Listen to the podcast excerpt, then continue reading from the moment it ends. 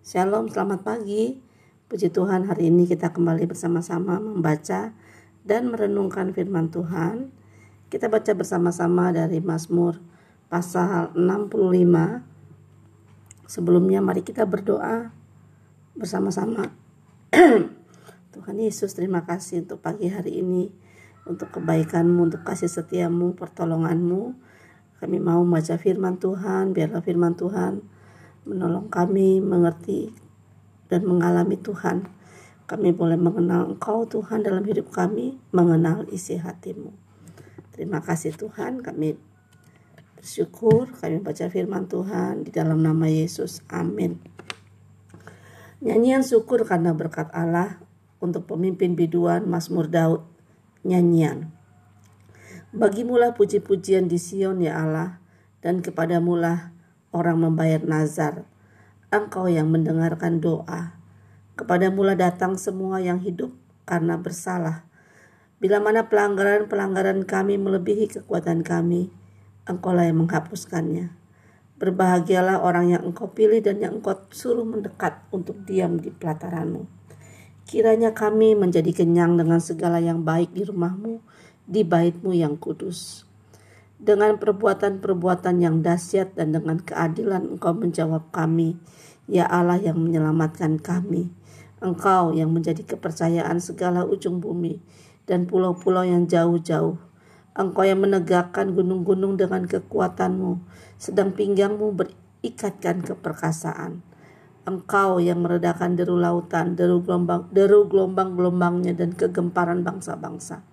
Sebab itu orang-orang yang diam di ujung-ujung bumi takut kepada tanda-tanda mujizatmu.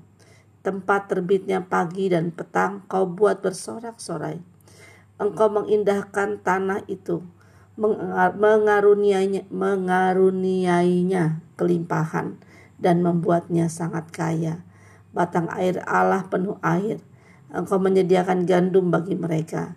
Ya, demikianlah engkau menyediakannya. Engkau mengairi alur bajaknya. Engkau membasahi kumpalan-kumpalan tanahnya. Dengan dirus hujan engkau menggemburkannya. Engkau memberkati tumbuh-tumbuhannya.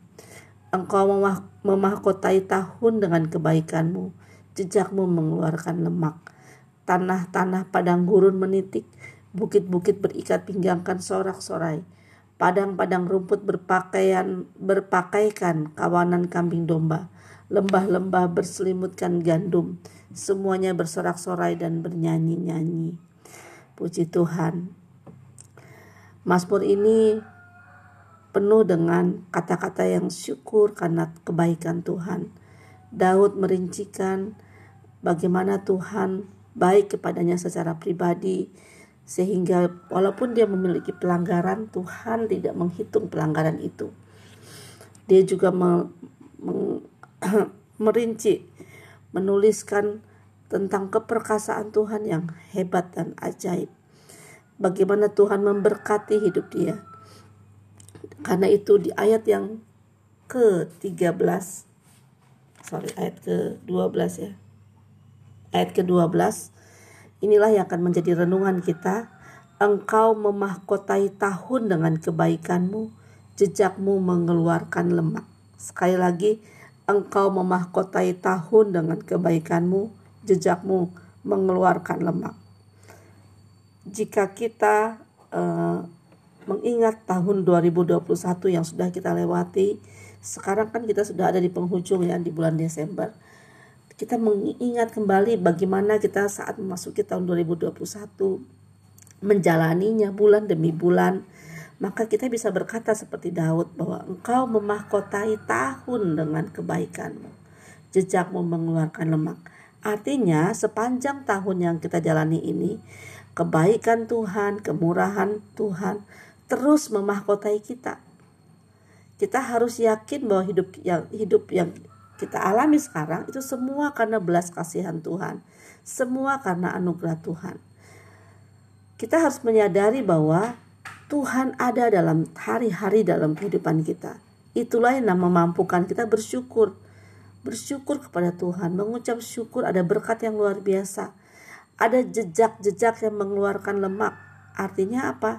yang Tuhan perbuat itu begitu luar biasa sehingga kalau kita lihat ke belakang itu ada jejak-jejak Tuhan. Tuhan hadir di dalam setiap kehidupan kita. Wah, tahun 2021 ini tahun yang luar biasa ya. Tetapi Tuhan betul-betul hadir. Tuhan menyertai kita, memberikan kepada kita kesehatan, melewatkan kita dari COVID, memampukan kita melewati melewati tahun 2021 yang penuh dengan pergumulan. Itu Tuhan yang melakukannya. Makanya kita bisa berkata, engkau memahkotai tahun dengan kebaikanmu.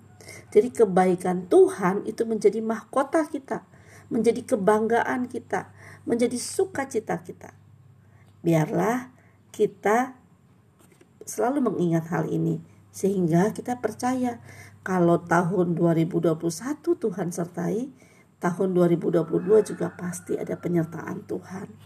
Tuhan selalu mengasihi kita selalu tidak ada batas.